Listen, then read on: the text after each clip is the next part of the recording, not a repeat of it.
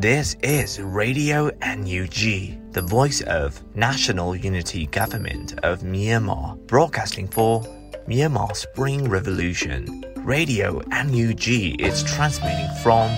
shortwave 16 meter 17.79 megahertz at 8:30 a.m. and 25 meter 11.94 megahertz at 8:30 p.m. Myanmar Standard Time. မင်္ဂလာပါခင်ဗျာ အမျိုးသားညီညွတ်ရေးအစိုးရရဲ့အတန်လွင့်ဌာန Radio NUG ကိုမနက်ပိုင်း၈နာရီခွဲမှာလိုင်းတို16မီတာ7.3 MHz ညပိုင်း၈နာရီခွဲမှာလိုင်းတို25မီတာ17.6 MHz တို့မှာဓာတ်ရိုက်ဖမ်းယူနိုင်နိုင်ပါပြီမင်္ဂလာအပေါင်းနဲ့ပြည့်စုံကြပါစေအခုချိန်ကစပြီး Radio NUG အစီအစဉ်တွေကိုဓာတ်ရိုက်အတန်မြင့်ပေးနေပါပြီ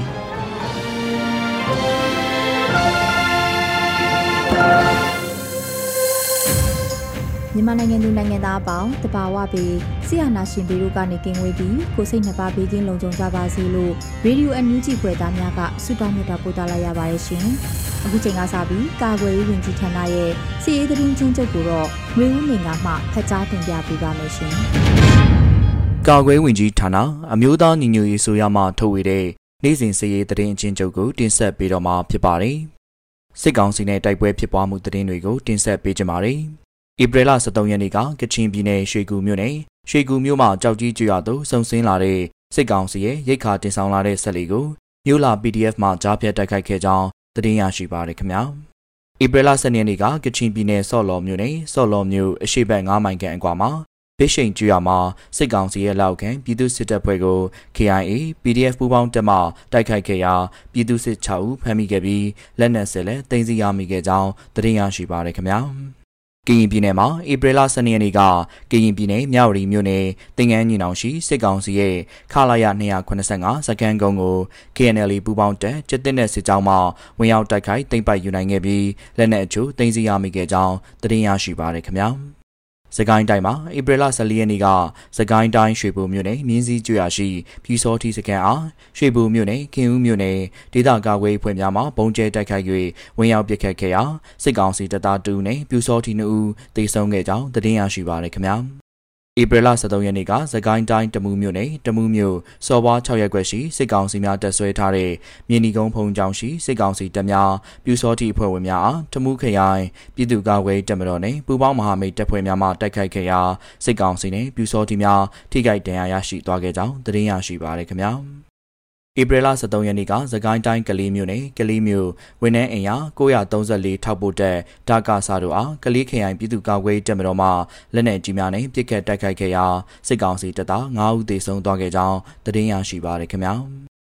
ဧပြီလ14ရက်နေ့ကသကိုင်းတိုင်းခင်ဦးမြို့နယ်ခင်ဦးမြို့ရဲစခန်းအားရွှေဘုခရိုင် PDF တရင်များမှဒရုန်းဖြင့်တိုက်ခိုက်မှုပြုလုပ်ခဲ့ပြီးထိခိုက်ဒေဆုံးမှုစဉ်မသိရှိရသေးကြောင်းသတင်းရရှိပါရခင်ဗျာ။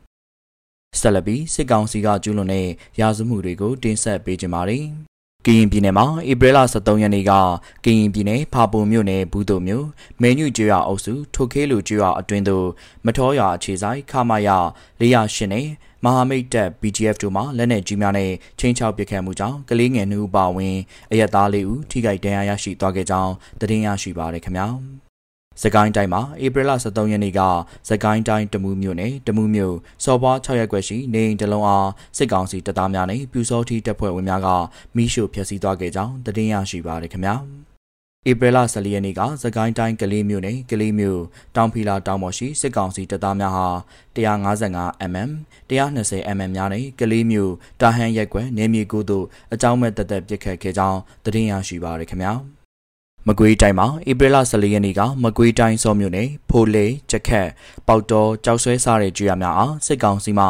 MI35 လေယာဉ်နဲ့ပစ်ခတ်ခဲ့ပြီးဘုံများတဲချခဲ့ကြောင်းသတင်းရရှိပါရခင်ဗျာဧပြီလ23ရက်နေ့ကမကွေးတိုင်းပေါ့မြို့နယ်အနောက်တောင်ပိုင်းတက်ကဲချင်းကျွာရှိနေအိမ်များကိုစစ်ကောင်စီတပ်မှမိရှို့ခဲ့ကြောင်းသတင်းရရှိပါရခင်ဗျာ ယခုတင်ဆက်သွားတဲ့သတင်းတွေကိုမြေပြင်သတင်းတာဝန်ခံများနဲ့သတင်းဌာနတွေမှာဖော်ပြလာတဲ့အချက်လက်တွေကိုအခြေခံပြုစုထားခြင်းဖြစ်ပါတယ်။ကျွန်တော်ကတော့ຫນွေဦးလင်ပါ။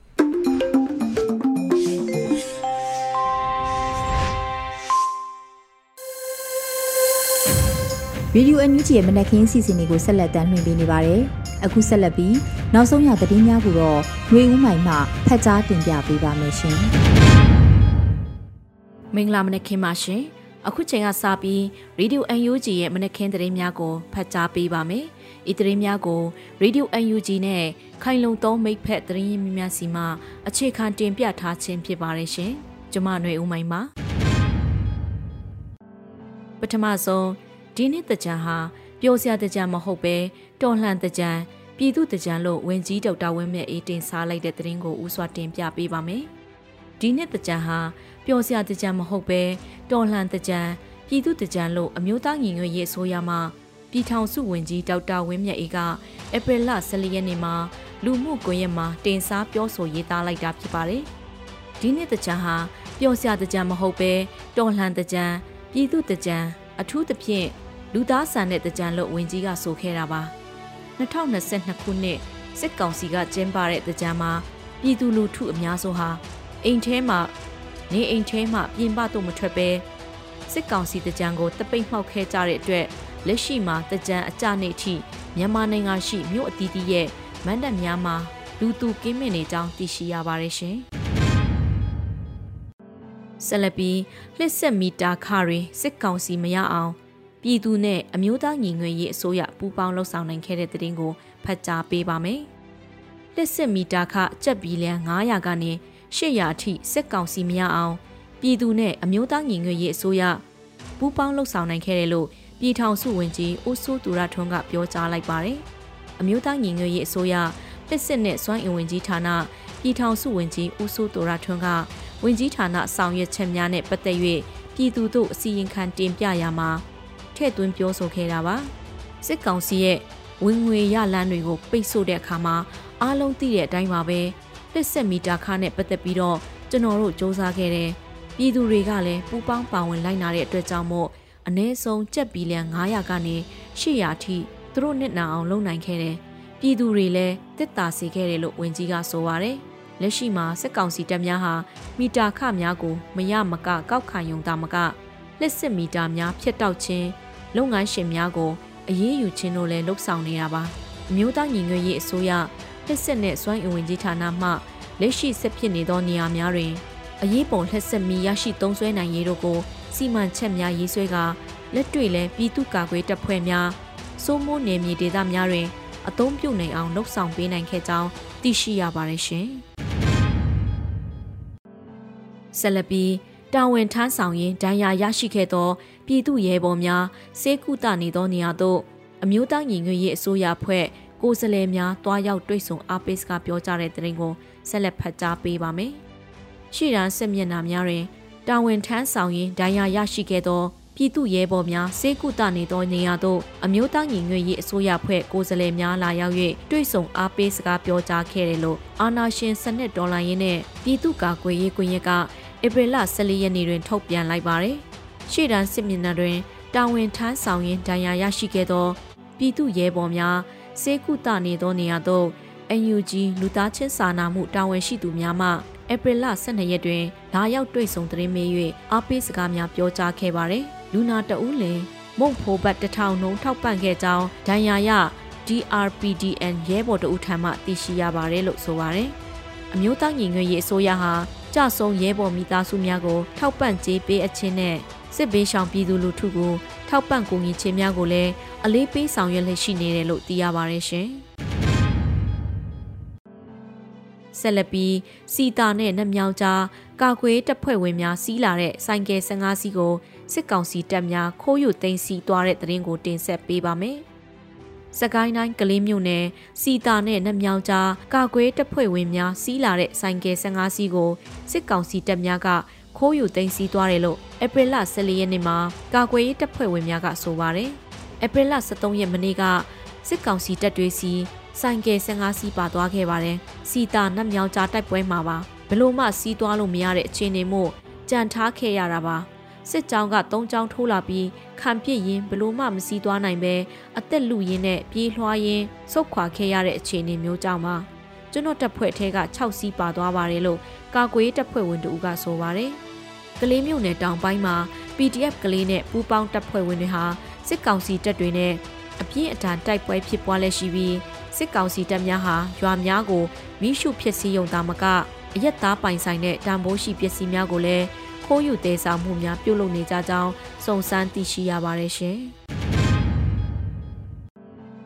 ဆက်လက်ပြီးကျက်သက်နဲ့ပျောက်ကြားတပ်ဖွဲ့ဝင်များမှအသက်80ကျော်အဖိုးအဖွား49ဦးအားတဦးလင်ကျက်တထောင်နှုံးဖြင့်လှူဒန်းတဲ့တရင်ကိုဖတ်ကြားပေးပါမယ်။ အသက်80ကျော်အဖိုးအဖွား49ဦးကိုတဦးလင်ကျက်တထောင်နှုံးဖြင့်ကျက်သက်နဲ့ပျောက်ကြားတပ်ဖွဲ့ဝင်များမှလှူဒန်းခဲ့ကြောင်း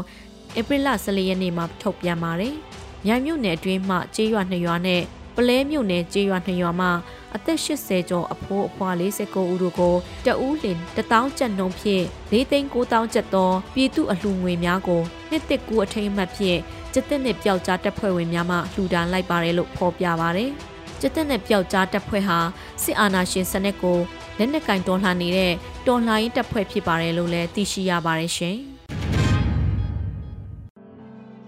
ဆက်လက်ပြီးပြည်သူဘက်ကမရက်တီရဲသည့်အမှုပညာရှင်အဆိုတော်များကိုမှတ်သားပြီး boycott လုပ်ရန် GSCB ကတိုက်တွန်းလှုပ်ဆော်တဲ့တရင်ကိုတင်ပြပေးပါမယ်။ပြည်သူဘက်မရက်တီရဲသည့်အမှုပညာရှင်အဆိုတော်များကိုတက်လူတို့မှတ်သားပြီး boycott လုပ်ကြရန် GSCB ကဧပြီလ14ရက်နေ့ကတိုက်တွန်းလှုပ်ဆော်လိုက်ပါတယ်။စစ်ကောင်စီရဲ့တကြအကြနေမှာဖျော်ဖြေခဲ့တဲ့နေအောင်ရန်အောင်တီဟာတင်ဆိုမိသားနုနှွေ့နှွေ့ဆန်းစတဲ့အမှုပညာရှင်များကို boycott ပြုလုပ်ကြရာလူထုကိုအဖွဲ့အစည်းများကတိုက်တွန်းလိုက်ခြင်းဖြစ်ပါတယ်။ဒေါ်လန်တကြံအကြနေတွင်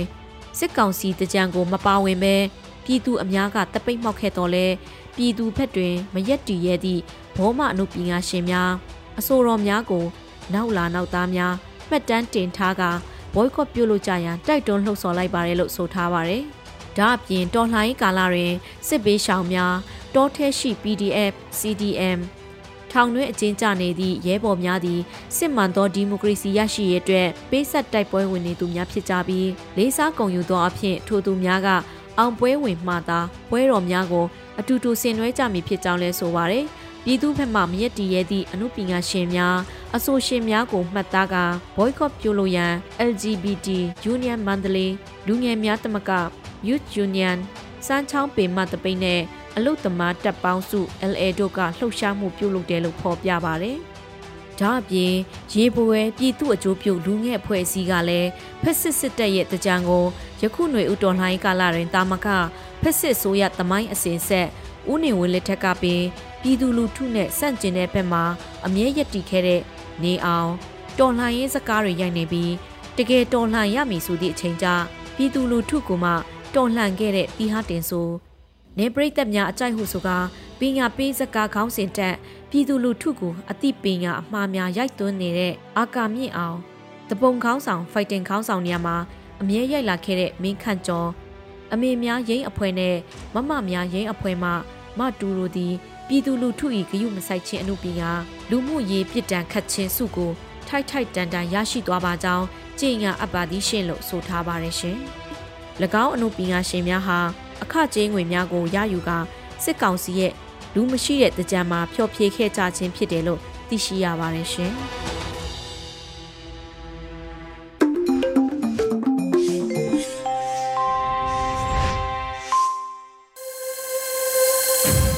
အခုဆက်လက်ပြီးနားဆင်ကြရမှာကတော့ပြည်အောင်စုဝန်ကြီးဒေါက်တာတူးခေါင်ရဲ့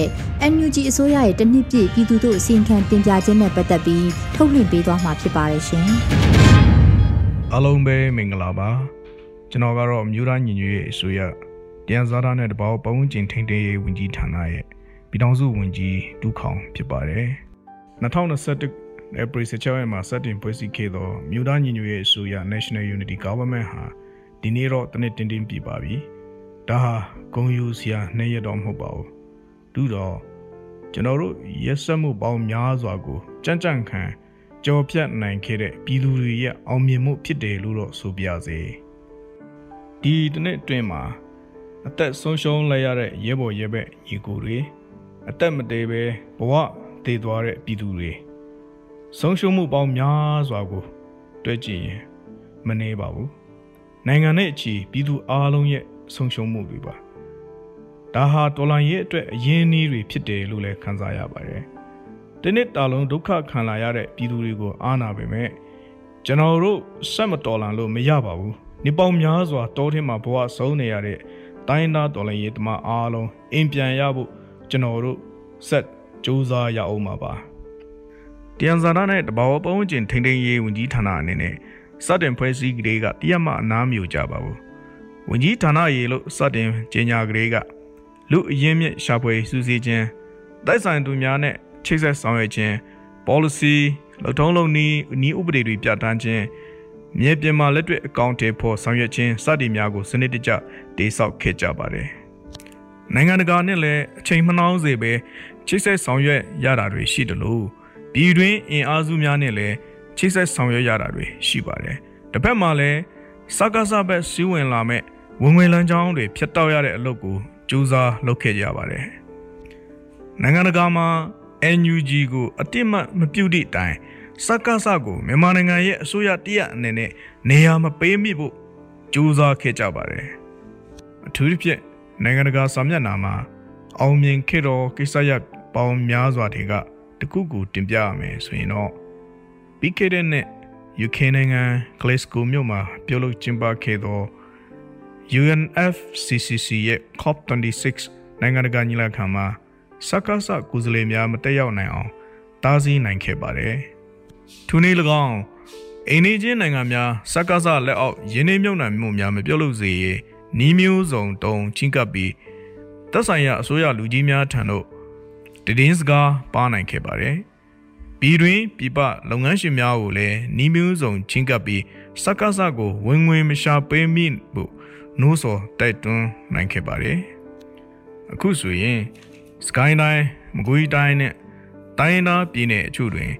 တရားဇာရစီမံအုပ်ချုပ်နိုင်ဖို့ကော်မတီများစုဖွဲ့နိုင်ပါပြီ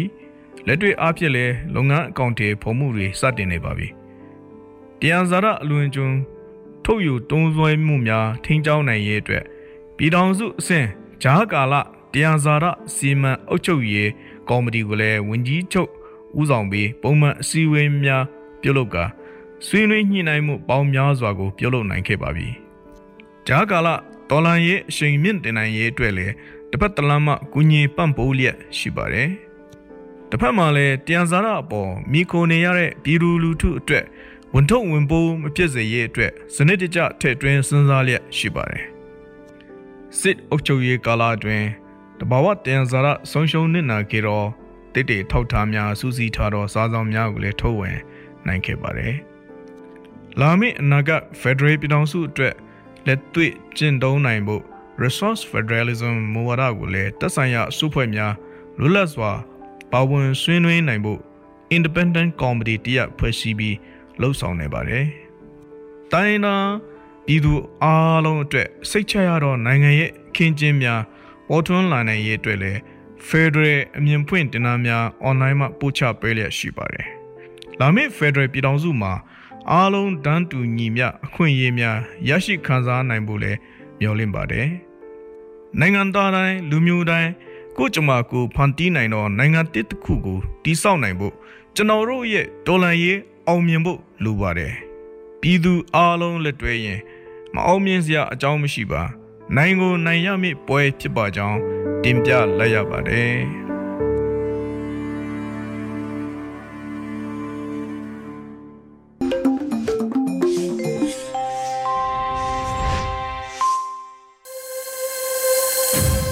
Radio NUG ပရိသတ်တွေကိုဆက်လက်ပြီးတင်ဆက်ပေးမှာကတော့ပြည်သူခုခံစစ်တရင်များဖြစ်ပါတယ်။လွေဦးလွင်မှဖတ်ကြားတင်ပြပေးပါမယ်ရှင်။ပ ထမဆုံးအနေနဲ့ပလဲ MT ရွာရှိပြူစော်တီတင်တန်းကြောင်ဝင်ရောက်တိုက်ခိုက်ခံရကစစ်သားတို့တေဆုံပြီးအများအပြားဒဏ်ရာရတဲ့သတင်းတင်ဆက်ပါမယ်။စကိုင်းတိုင်းပလဲမြို့နယ် MT ကျေးရွာရှိပြူစော်တီတင်တန်းကြောင်ကို PRI ဥဆောင်သောမဟာမိတ်တပ်ဖွဲ့များကအေဗီလာ73ရက်နေ့3:30မိနစ်မှာဝင်ရောက်တိုက်ခိုက်ခဲ့ပြီးစစ်သားတို့တိတ်ဆုံးကအများပြားထိခိုက်ဒဏ်ရာရရှိခဲ့ကြောင်း PRI တပ်ဖွဲ့ကပြောရေးဆိုခွင့်ရှိသူဗိုလ်ချုပ်ပန်ကြီးကပြောဆိုပါတယ်။အဆိုပါပြူစော်ဒီတင်တန်းကြောင်းကိုပြည်သူတော်လှန်ရေးတပ်မတော် People Revolution Army PRA ပလဲပြည်သူ့ကာကွယ်ရေးတပ်ဖွဲ့ဌာနချုပ်အဖွဲ့ PPDG NVRF မြိုင်ယူ Revolution Guardia Ranger နဲ့ Local PDF များကပူးပေါင်းဝင်ရောက်တိုက်ခိုက်ခဲ့ခြင်းဖြစ်ကြောင်းသိရပါတယ်။ကင်းဒီပြည်နယ်ဒီမော့ဆူမြို့နယ်အနောက်ဘက်အုတ်ခူရီကျွော်မှာအကြမ်းဖက်စစ်ကောင်စီတပ်နဲ့ KNY ပူးပေါင်းတပ်ဖွဲ့အကြားယနေ့နနက်9နာရီမှစတင်ကတနေကုန်နီးပါးအနီးကပ်တိုက်ပွဲပြင်းထန်ခဲ့ပြီးစစ်ကောင်စီဘက်မှ20ဦးခန့်သေဆုံးနိုင်ကြောင်းကင်းဒီပူးပေါင်းတပ်ဖွဲ့မှရဲဘော်၃ဦးကြာဆုံးကြောင်းရှေ့တန်းရဲဘော်တို့ထံမှသိရပါတယ်။ အကြံဘက်စစ်ကောင်စီဟာအင်အားအလုံးရင်းနဲ့ဒီမော့ဆူမြို့နယ်အနောက်ဘက်ခြမ်းရှိအိုခူရီရွာနောင်ပလဲရွာစိုးဘောသေးရွာနဲ့ကားလမ်းမတစ်လျှောက်ထိုးစစ်ဆင်လာတာဟာ9ရက်ခန့်ရှိနေပြီဖြစ်ပြီးကင်းဒီတပ်မတော် KA နဲ့ကင်းမျိုးသားကာကွယ်ရေးတပ် KNDF နဲ့မဟာမိတ် PDF တပ်ဖွဲ့များကခုခံတိုက်ခိုက်လျက်ရှိပါတယ်။အုတ်ခူရီကျွော်မှာအေဗီလာ12ရက်နေ့မှာလည်းတိုက်ပွဲပြင်းထန်ခဲ့ပြီးစစ်ကောင်စီဘက်မှ30ကျော်တိစုံနိုင်ကြောင်းစစ်ကောင်စီတပ်ကိုခုခံတိုက်ခိုက်နေတဲ့ရှေ့တန်းမှာကင်းဒီရဲဘော်ကပြောဆိုပါတယ်။ စကိုင်းတိုင်းကလေးမြို့ရှိခရိုင်ထွေအုပ်ဒေတာကွက်ကဲမှုစစ်ဌာနချုပ်ထောက်ပို့တပ်များအတွင်းသို့ AB လ73ရက်နေ့ညနေ9:00နာရီပတ်ဝန်းကျင်မှာ PDF ကလေးက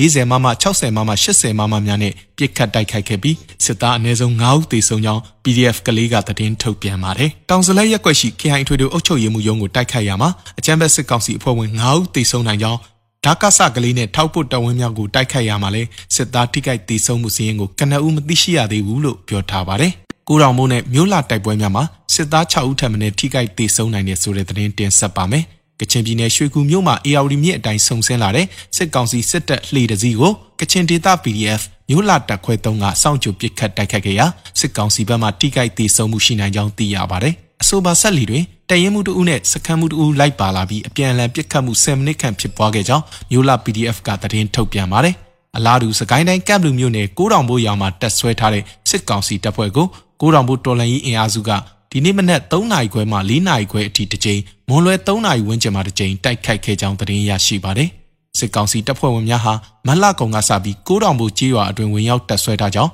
နေ့စဉ်ရက်ဆက်တိုက်ပွဲဖြစ်ပွားနေတာ16ရက်ကြာမြင့်နေပြီဖြစ်ကြောင်းအေဗီလာ9ရက်နေ့တိုက်ခိုက်မှုမှာစစ်သား6ဦးသေဆုံးကြောင်းကိုးတောင်ဘိုးတော်လန်ကြီးအင်အားစုကသတင်းထုတ်ပြန်ပါတယ်။နောက်ဆုံးအနေနဲ့ပင်လယ်ဘူးတိုက်ပွဲမှာစစ်ကောင်စီဘက်မှ30ကျော်သေဆုံးတဲ့အပြင် စစ်တပ်ဗိုလ်မှူးဗိုလ်များအပါအဝင်စစ်သားများအရှင်ဖမ်းဆီးရမိပြီးလက်နက်ခဲယမ်းများလည်းသိမ်းဆည်းရမိတဲ့သတင်းတင်ဆက်မှာပါ။စကိုင်းတိုင်းပင်လယ်ဘူးမြို့ကို KIA နဲ့ပြည်သူ့ကာကွယ်ရေးတပ် PDF ပူးပေါင်းတပ်များကအေဘီလာဇန်ပိုင်းမှာဝင်ရောက်ထိန်းချုပ်ပြီးနောက်စစ်တပ်ကလေကြောင်းနဲ့အကြိမ်ရင်များစွာတိုက်ခိုက်ခဲ့တဲ့ပြင်ပြန်လည်ဆုတ်ခွာခဲ့ရကစစ်တပ်ဘက်မှ30ကျော်တိစုံကြောင်းဗိုလ်မှူးဗိုလ်များအပါအဝင်စစ်သားများအရှင်ဖမ်းမိမှုများရှိခဲ့ပြီးလက်နက်ခဲယမ်းများလည်းသိမ်းဆည်းရမိကြောင်းပင်လယ်ဘူး PDF သတင်းရင်းမြစ်ထံမှသိရပါဗျ။ မလ29ရက်နေ့မှာစတင်ပြီးစစ်ကောင်စီတပ်များကမြို့ပြင်ထွက်ပြီးထိုးစစ်ဆင်လာချိန်မှာ KIA နဲ့ PDF တပ်များကမြို့တွင်းကိုဝင်ရောက်ထိန်းချုပ်လိုက်ကြောင်း၎င်းနောက်မြို့တွင်းမှာတိုက်ပွဲအကြီးအကျယ်ဖြစ်ပွားပြီးစစ်တပ်ကလေကြောင်းတိုက်ခိုက်မှုအကြိမ်ရေများစွာလှုပ်ဆောင်ခဲ့ကြောင်း၎င်းနောက် AB လ10ရက်နေ့မှာပင်လယ်ဘူးမြို့ပေါ်မှာပြန်လည်ဆုတ်ခွာခဲ့ကြောင်း PDF သတင်းရင်းမြစ်ကပြောဆိုပါတယ်။တိုက်ပွဲမှာ PDF ဘက်ကလည်း9ရောက်ထပ်မံကြာဆုံးခဲ့တယ်လို့ဆိုပါတယ်။လက်ရှိမှာ KIA နဲ့ PDF တပ်များကမြို့ပြင်နေရာအများအပြားကိုထိန်းချုပ်ထားပြီး မြို့တွင်းမှာပင်စစ်တပ်ကပေါ်ဝတင်နဲ့တွာလာမှုမရှိတော့ကြောင်းညမကြာမီတိုက်ပွဲများပြန်လည်ပြင်းထန်လာနိုင်ကြောင်းသိရပါတယ်။စစ်တပ်ရဲ့သတင်းထုတ်ပြန်ချက်မှာတော့အလောင်း12လောင်းနဲ့လက်နက်များသိမ်းဆည်းရမိတယ်လို့ထုတ်ပြန်ထားပြီးတိုက်ပွဲဟာမတ်လ29ရက်နေ့မှာအေဘီလ9ရက်နေ့အထိကြာမြင့်ကြောင်းသတင်းထုတ်ပြန်ထားပါတယ်။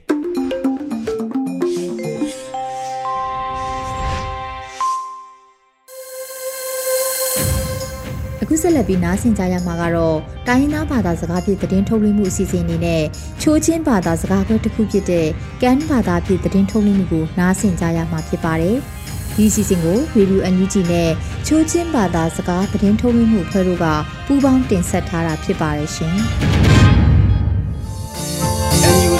ทรูกลางรีดิโอนำไงายาบงเงยน้อยไปเกยนาวนำวันนำไรบยอดีละนำกดกันดู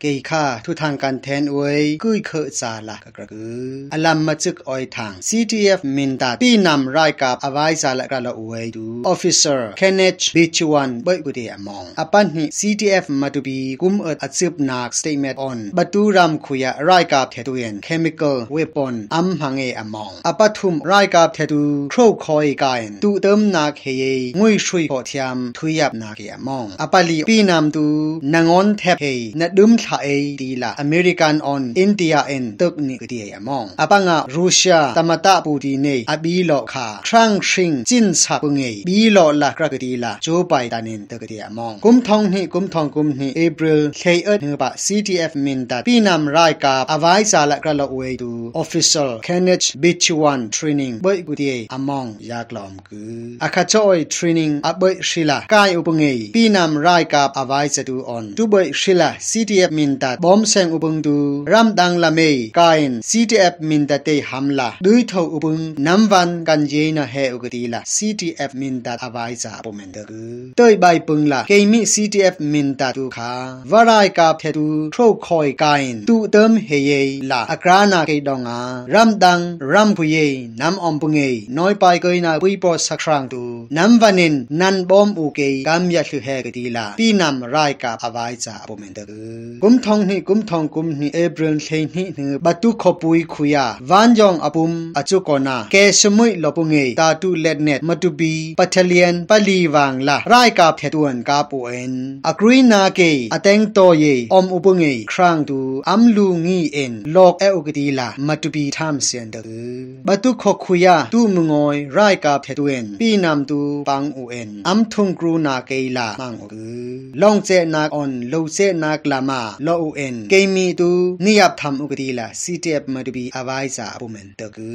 ကုမ်ထောင်ဟီကုမ်ထောင်ကုမ်နီမတ်နှပ်ထုံကိပွန်ဧပြီလနှပ်ရီအေအန်နလာနှပ်ကိုတုกอานาการายกับเททุ่มกิบละเดิมปึงชีเอ็นอเดิมอดาแลมกตีละยากละอมอือ CTF มาตุปีวางเงปันหิคาตุยออนรามเมหัมลาอันชิงนาเป็นนิก pung shi en a dum ada lem kati la yak la am ctf matu bi wa nge pan ni kha tui on rame hamla an shing na pen ni gdi la yak lam bu ctf matupi on rai ka phetu so oi kum ot khui tuk a na voi khru ki om en ctf matupi wa nge thenga tui on rame hamla am shing na hamlu pe u en thong on apum lem gdi la shinland defense force matupi en de khro pa khui dung he pu nge varai ka phetu tu tem na ke la ngui shui kho thiam adam angai na ke donga chin relief funding program crfp to meet chin digital lottery april khay at nu pa tun ukati among yak la om gu to meet chin digital lottery kha april khay at nu pa kam tun en a thung sai su je ngui kha american dollar prairie on ngakip la krakati mat la om gu chin relief funding program kha so a rai pui tho abai ko na pian le thu thong ye bi na ke ngui shui kho thiam phi kam thui yap chi ku ti la teng pang upung avai za tuan da ku ku kum thong ni kum thong kum ni april ni ri nu ba american ram washington dc a american on india ram avai za tu am hu ru na ka rai kap the tu ei va khoi pi nam tu ui ai mui được la am ngon thep am pang poi democracy ram am pre pram the kha tu kha ayang la nam du me ti na u အခါဆောအမှုကရုနာကအမေရိကန်ဝါငါနိုင်ငံခြားရေးဝန်ကြီးအန်တိုနီဘလင်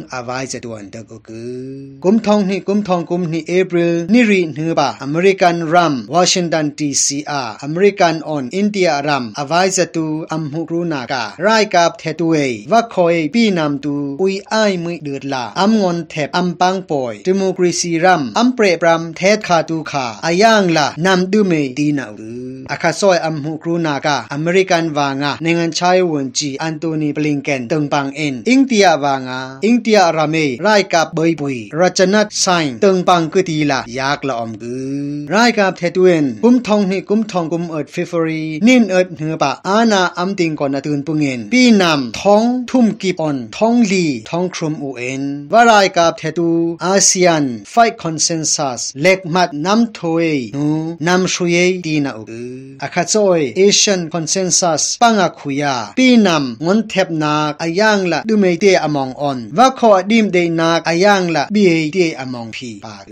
ยูเครนรัมขุยารูชาดูเออัมบีโลคาช่างชิงมิดเมืองจินสักปงละกราเอนลาดมาปูตินคายูเครนปะขุยดูจินสักเกละทานักดีละอเมริกันตมดาโจไปตานินเดก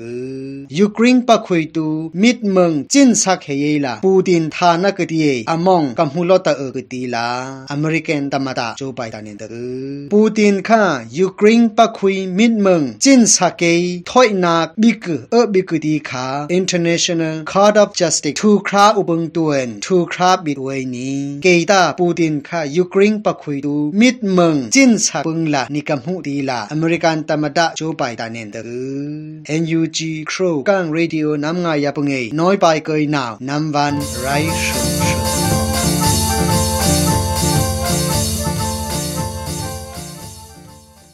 ဒီကနေ့ကတော့ ဒီညနေပဲ Radio NUG ရဲ့အစည်းအဝေးကိုခਿੱတရနာလိုက်ပါမယ်မြန်မာစံတော်ချိန်မနက်၈နာရီခွဲနဲ့ည၈နာရီခွဲအချိန်တွေမှာပြန်လည်ဆုံးဖြတ်ကြပါစို့ Radio NUG ကိုမနက်ပိုင်း၈နာရီခွဲမှာလိုင်းဒို16မီတာစက္ကန့်တသမ9 MHz ညပိုင်း၈နာရီခွဲမှာလိုင်းဒို25မီတာ17သမ6 MHz တို့မှာဓာတ်ရိုက်ဖမ်းယူနိုင်နိုင်ပါပြီမြန်မာနိုင်ငံသူနိုင်ငံသားများကိုယ်စိတ်နှပြချမ်းမာချမ်းသာလို့ဘေးကင်းလုံခြုံကြပါစေလို့ Radio NUG အဖွဲ့သူအဖွဲ့သားများကဆုတောင်းလိုက်ရပါတယ်။အမျိုးသားညီညွတ်ရေးအစိုးရရဲ့စက်သွေးရေးတရင်အချက်အလက်နဲ့ဤပညာဝန်ကြီးဌာနကထုတ်လွှင့်နေတဲ့ Radio NUG ဖြစ်ပါတယ်။ San Francisco Bay Area အခြေစိုက်မြန်မာမိသားစုများနဲ့နိုင်ငံတကာကစေတနာရှင်များလုပ်အားပေးများရဲ့ Radio NUG ဖြစ်ပါတယ်။အရေးတော်ပုံအောင်ရမည်